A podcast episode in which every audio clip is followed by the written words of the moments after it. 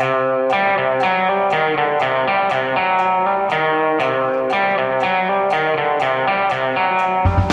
sosiale nedstengingen i Oslo fortsetter til over nyttår. Og blir det egentlig noe av denne brexiten? Dette er Giæver og gjengen. Det er torsdag den 10. desember. Ja, Yngve Kvistad, da, da England bestemte seg for å, å, melde seg ut av EU. Da var du fortsatt en ung mann med, med, livet foran deg og gikk på med denne oppgaven med å dekke dette med, med iver og og nå holder du på ennå, altså? Ja, det er, det er altså da blir det, det er omtrent eh, sju år av mine liv til sammen som jeg ikke får igjen. Men eh, ja. samtidig så har jeg jo hatt mye, mye moro og mye interessant underveis, da. Det må man si. ja, ja, ja. Veien blir til mens man går, som, eh, som han eh, kunstneren Årdal Hetland pleide å si. Ja, eller eh, i dette tilfellet veien blir til mens man går seg vill. Og eh, på denne veien så treffer vi Ursula von der Leyen, som er EU-kommisjonens leder. Hun skulle ha eh, møte eller til og med middag med Boris Johnson i går for at de liksom skulle kunne skjære litt gjennom eh, flokene. Hvordan gikk det? Nei, det gikk ikke så bra. Men uh, hvor bra eller hvor dårlig det gikk, derom strides uh, de lærde. Det er litt sånn med EU du, som en sånn kompromissmaskin. Det minner litt om uh, den katolske kirka og, og, og det britiske kongehuset og, og, og Cosa Nostra. Det er liksom sånn, det må være enighet om alt og så før man sier noe. Og før det er enighet, så blir det ikke sagt noe. Og da bruker man tida til å tolke tegn å tolke hvordan folk, har, eh, hvordan folk løfter på én hånd eller to hender, eller hva, hva, hvem som snakker hvem som ikke snakker. og Det er jo tilfellet her også, det etter eh, den middagen i går. da. Der, er det, der sitter nå kremlogene i EU-systemet og finner ut at det at det ikke ble eh, en sånn felles uttalelse etterpå, men hver sin, det tyder på at ja, da er de ikke enige om så veldig mye. Og det at Boris Johnson dro tilbake til Storbritannia umiddelbart etterpå, det betyr at han eh, skulle da markere eh, noen ting med det. Men samtidig så kan man også tenke sånn at ja, kanskje Boris dro tilbake fordi at han trengte mer tid til å fordøye det som var sagt og bearbeide noen ting. Han trengte litt alenetid, rett og slett? ja. Og så er det vel eh, også en del som tolker inn i det at de har begge parter valgt å opprettholde en sånn tilsynelatende eh, sterk konfliktstatus. Jeg tror ikke noe på det, det snakk om altså, at dette er politisk teater og skuespill og sånt. Det tror jeg ikke på, for det her, er, det her er blodig alvor. Men jeg tror nok at begge, begge sider har eh, noen ting å tjene på å opprettholde i hvert fall et slags ferniss da, av at eh, partene står veldig langt fra hverandre, og at det er mye som må gjøres. sånn at for Fallhøyden er så stor på begge sider at uh, man er nødt til å, å, gjøre ting for også for å sukre pillen. for det er klart at uh, Den dagen det blir et resultat, som jeg fortsatt tror det blir, så betyr det at begge parter må gi og ta og tape. Og det betyr at ikke alle vil bli fornøyd med den eh, avtalen. så Derfor så er det nok uh, er nok fortsatt uh, 'hope in the hanging snore'. Men nå er det altså sånn at uh, egentlig så brexit skulle liksom da tre i kraft uh, de var ute av EU fra, fra, januar i år. Nå har det vært en sånn uh, bare en sånn uh, overgangsperiode. overgangsperiode. og Den går ut ved midnatt på, på nyttårsaften. Og da, da, er det virkelig, da må det virkelig en eh, type unntakslover til for å opprettholde omtrent som flytrafikk og båttrafikk. og Det var snakk om å sende hjem alle britiske ferierende fra, fra, Europa. Virkelig ganske drakoniske tiltak? Ja, altså det er jo det. Foreløpig så er jo veldig mye av dette også litt, sånn, litt trusler, da. Det, jeg vil nok tro at de vil lande noen eh, både uinndellater men, men drakoniske trusler, da, må man kunne si? Ja, det, det er det absolutt. Men det er klart at, at det, per første første så inntreffer det jo et, et absolutt eh, passpåbud, f.eks.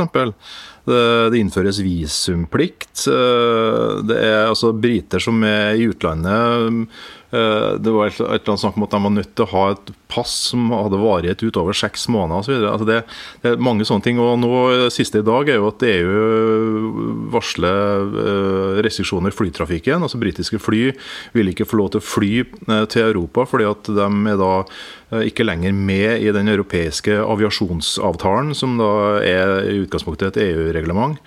Eh, de er jo selvfølgelig medlemmer av den internasjonale flyavtalen, og sånn, ikke sant? Men, men, EU har jo sine egne regler på det, på det meste. Så det, det, er jo, det, er jo, veldig inngripende på noen sånne praktiske ting. da. og så kommer jo alt det andre i tillegg. Det er veldig mange som tror fortsatt at dette handler om en handelsavtale, om det er det handelsavtale like. men men det er ting som det går an å bli enige om. og Likevel fiskeriproblematikken er, er den er symbolsterk, eh, men eh, det er også ting som går an enige om. Men det som eh, Jeg har jo en viss forhandling, uten sammenligning for øvrig, men jeg har en, en liten erfaring med forhandlinger både i VG-huset og satt i det sentrale forhandlingsutvalget i Norsk Journalistlag. At det er Det strammes gjerne til. Og det som en forhandlingsmotpart her i VG en gang sa, at penger er ikke noe problem, vet du, det er prinsippene. Og det det er det det står om her, og det er prinsipper, og de er veldig mye vanskelig å fordøye på begge sider. Men vi har fått høre det ganske lenge nå, at eh, ja, nei, men nå er det litt sånn teatriks, og, og vi holder ut, og, og nå, er det, nå, er det, siste eh, av de, alle offisielle frister. De må få til noe nå, ellers så blir det en sånn eh, no deal. Eh, ja, eh, men nå skal du høre, Anders. Nei, altså, alt som har vært frista så, langt, har jo vært politiske frister. Det har vært sånn interne frister. Det, andre. Det, som man fikk, eh, altså man, det man fikk som et resultat etter den middagen i, i går kveld, det var jo en, eh, en såkalt eh, endelig frist å legge merke til å si såkalt, for nå, nå, sier de at jo, nå må de ha noe på bordet innen eh, søndag, utgangen av uh, søndag. For at mandag så da må, da må, man vite hva man har å forholde seg til. Men samtidig så sier jo Michael Gove, da, uh, som tidligere brexit-minister, og som tidligere og som har sittet og, og, og styrt utmeldingssida, for å si det sånn. Eh, at eh, ja, vi kan jo for så vidt eh, forhandle helt fram til 31.12. Og skulle det bli brudd da, og man ikke blir enig, så må man jo ha en avtale likevel. sånn at da setter man seg ned om én måned eller to måneder eller tre måneder. Da, for at en eller annen avtale er man nødt til å ha. Storbritannia eller altså EUs uh, indre marked er Storbritannias hovedmarked. Uh, de eksporterer over 60% av alle varer dit. Det har en verdi av 3000 milliarder kroner. og til gjengjeld så kjøper Storbritannia varer og tjenester fra EU for rundt 350 milliarder. Sånn at begge parter har, har veldig mye Eh, og tjener på bokstavelig talt at det blir en avtale som gjør at de kan enes om en handelsavtale. Så vi sitter her kanskje om et år og snakker om akkurat det samme? Eh, om ikke akkurat det samme, så i hvert fall noe av det samme. Eh, det, det er fortsatt mulig. Like mulig som det er at uh, engelskmennene fortsetter å kjøre på venstre side og holder på på sitt uh, sære vis. Uh, tusen takk skal du ha, Ingvild Kvistad. Og da skal vi til deg i rådhuset, Astrid Mæland. Uh, Pressekonferansen er akkurat over, og det blir altså helt fram til 7.1 med disse temmelig uh, omfattende uh, sosiale bestemmelsene. Sosial nedstengning kaller jo byrådsleder Raimond Johansen det. Og det er alvor her i Oslo nå. så Det var bare et par uker siden vi sto her sist, og da sa Raimond Johansen til meg at det er jo en liten sjanse for at vi kan åpne opp til jul hvis vi bare får ned smitten. Og så har smitten gått ned. Men likevel så er det ikke noe åpning til jul. De videreføre alle de strenge tiltakene. Altså, det er stengt overalt, da, for å si det enkelt. Det er jo åpent på restauranter uten skjenking. Det er stengt på museum, det er stengt på sportsarrangement. Alt er stengt i Oslo. Men Stenger de noe mer? Eh, holder de det på dette nivået, eller åpner de opp noen ting? Nei, de holder det på samme nivå som før. Det er jo litt komplisert, det her, men det betyr altså at det kan bare være ti i Oslo på julaften, og da er det inkludert familien din. Så hvis du er fem i familien, så kan du bare ha fem gjester. Og det er strengere enn i Norge, for der kan du ha ti pluss familie, så da kan du jo være 15 hvis du er fem i familien f.eks. Og i Oslo så er det til og med straffbart å være flere, så politiet kan altså gi det bot. I motsetning til i eh, nasjonalt, det er bare et råd, da. Eh, ja, men eh, det har altså gått noe ned, det har gått en del ned også. Hvor, hvor langt var vi unna å få lov til å begynne å, å slippe opp litt igjen? Ja, Godt spørsmål, Anders. Det vil de jo ikke si. da, vet du. De vil jo aldri gi et spesifikt tall for hva de mener er akseptabel eh, smitte. Men det er vel kanskje fordi de ser litt på hva andre rundt dem gjør. Jeg tror de har sett mye på Stockholm og København, eh, vennskapsbyer med Oslo. Ganske lik befolkning på mange måter, likt helsevesen. Og så går det altså så dårlig i de byene. I Stockholm så er jo eh, akutten full nå. altså Intensivplassene er 99% belagt. Så jeg lurer på hvordan det er hvis du kjører deg på bil der og må på opera. Det er ikke noe god idé nå. Og i København så har de jo innført, og i Danmark, kjempe, kjempestrenge regler denne uka her eh, nye på mandag, og nye igjen i dag. Så um, det er litt frykt for disse storbyene, altså, for det går jo bare feil vei. Og så dro de også en del av de andre dramatiske konsekvensene, sånn som f.eks. ledigheten, som vanligvis er den eh, laveste i Norge, i Oslo. Nå er den den høyeste, og tre ganger så høy som den pleier å være. Dette er, det er dramatisk for, eh, for Oslo-folk, eh, denne situasjonen? Ja, jeg tror jo at det kommer til å se store forskjeller i Oslo på arbeidsplasser som rett og slett går uh, dunken. Og så må det omstilles, og det kommer sikkert til å være mange ting i bybildet som vi er vant til å se, som forsvinner.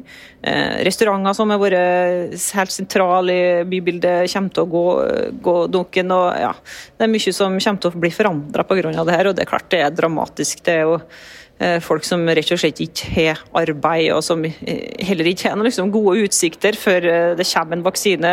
Byrådsleder Robert Steen snakka om vaksineringa her i dag, men det er jo også fortsatt ukjent når det blir mulig å åpne Oslo igjen. For dette kommer jo til å være lenge etter at man får vaksinert risikogruppene, at vi er helt home free. Men de skal begynne med vaksineringen eh, rett over eh, nyttår, og, og, da var det de på pleiehjem først. Og hvor lang tid vil det ta å liksom før man begynner å, å, vaksinere store deler av Oslos hva skal du si, vanlige befolkning? De sier jo, eh, sier jo ofte at det er påske. Da, da tror de at de skulle ha klart å tatt risikogruppene, altså eldre og folk med andre sykdommer. Og så snakka de om sommeren, da håpa de jo på at eh, det kan bli mer normalt. Men det er jo fortsatt ikke engang godkjent, den vaksinen. Den er godkjent i Storbritannia og i Canada, men ikke i Norge og ikke i EU. Så først må den jo bli det, og så må jo produksjonsproblemer oppheve, og så må vi jo få det ut til alle kommuner i Norge med kjøleskap og frysebokser og det hele. Raymond Johansen klarte ikke å legge skjul på litt bitterhet mot regjeringen for, uh, i forbindelse med, med midler til, til uh, ja, krisepakker. Er den relativt store enigheten man har funnet mellom regjering og, og um, lokale myndigheter, og, begynner, og, uh, andre partier begynner den å slå sprekker? Nei, det her, det her, det her skjer hver eneste pressekonferanse. at uh, Arbeiderpartipolitikeren Raymond Johansen må jo prøve å angripe regjeringa på det han kan angripe dem på, og det er alltid dette med um, importsmitte, som han òg prøvde seg på i dag. Han anklager regjeringen for at uh, de er uansvarlige og får inn altfor mange polakker med, med smitte. Men uh, altså, der er det jo innført karantene, da, så jeg vet ikke helt hva han mener med det. Men men nummer to er alltid dette med at vi må få mer penger. og Det vil jo enhver ordfører og enhver byrådsleder i alle kommuner si til regjeringa nasjonalt. I hvert fall når det er forskjellige partifarger på de to som styrer. Eh, men eh, det er jo helt sant altså, at eh, det, næringslivet i Oslo er jo kjempehardt ramma. Det er til med, det, det, er ikke lov til å selge øl. altså Alle barene er jo stengt, og restaurantene går jo dunken. så det, Turismen som en stor del av Oslo er jo helt på bar bakke, så det er jo selvfølgelig kjempealvorlig. Men ja, det han vel ba om var obligatorisk testing av alle som kommer, i hvert fall eh, fra røde land. Er det ikke litt rart at man ikke bare kan innføre det? Ja, nå er det jo hotellkarantene eller annen karantene for alle som kommer fra røde land i ti dager. Så i den grad det fungerer, så er det jo ingen grunn til å teste dem. Men eh, tidligere så var det jo mye snakk om det, og det er jo frivillig test på flyplassene i dag òg. Men det er visst eh, noe med jeg tror det er personvern og litt sånn som gjør at de ikke, som politikerne nøler med å ha innført tvungen testing. Da. Men Frp har jo vært blant dem som har foreslått foreslått. Jeg syns ikke det høres så dumt ut i utgangspunktet hvis det er mulig, men eh, det må jo være tilfellet. Da må de jo eh, i karantene i tillegg uansett, da, for en negativ test den kan jo føre til at du likevel har det et par dager etterpå. Ok, eh, det er det vi rekker for i dag. Takk til Astrid Mæland på Rådhuset. Jeg heter Anders Giæver, og mannen som holder behørig sosial distanse, men likevel lapper det sammen så det blir én podkast, er vår produsent Magne Antonsen. I morgen er det Giæver og Skartveit som er på besøk hos Erna Solberg, så følg med.